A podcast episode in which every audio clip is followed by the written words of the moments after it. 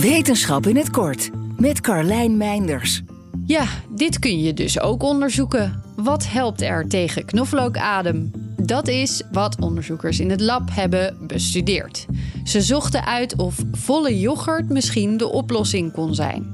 Daarbij keken ze naar het effect van het product als geheel, maar ook naar het effect van de individuele bestanddelen van de yoghurt, water, eiwit en vet, op de stofjes die voor knoflookgeur zorgen. Vooral vet en eiwit bleken goed te zijn in het voorkomen van het verspreiden van de geurmoleculen.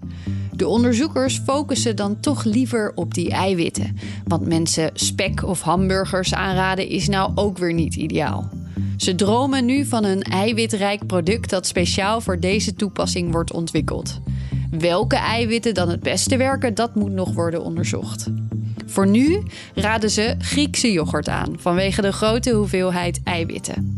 En het wordt aangeraden om het dan zo snel mogelijk na het nuttigen van knoflook op te eten. Dan werkt het vangen van die geurmoleculen het best.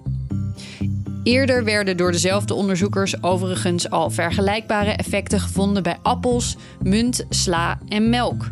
Kleine disclaimer: dit yoghurtonderzoek is nu nog uitgevoerd in potjes in het lab.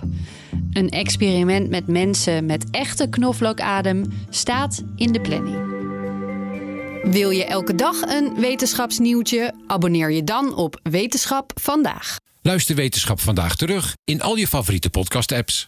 Business Booster. Hey ondernemer, KPN heeft nu Business Boosters. Deals die jouw bedrijf echt vooruit helpen. Zoals nu, zakelijk tv en internet, inclusief narrowcasting... de eerste 9 maanden voor maar 30 euro per maand. Beleef het EK samen met je klanten in de hoogste kwaliteit.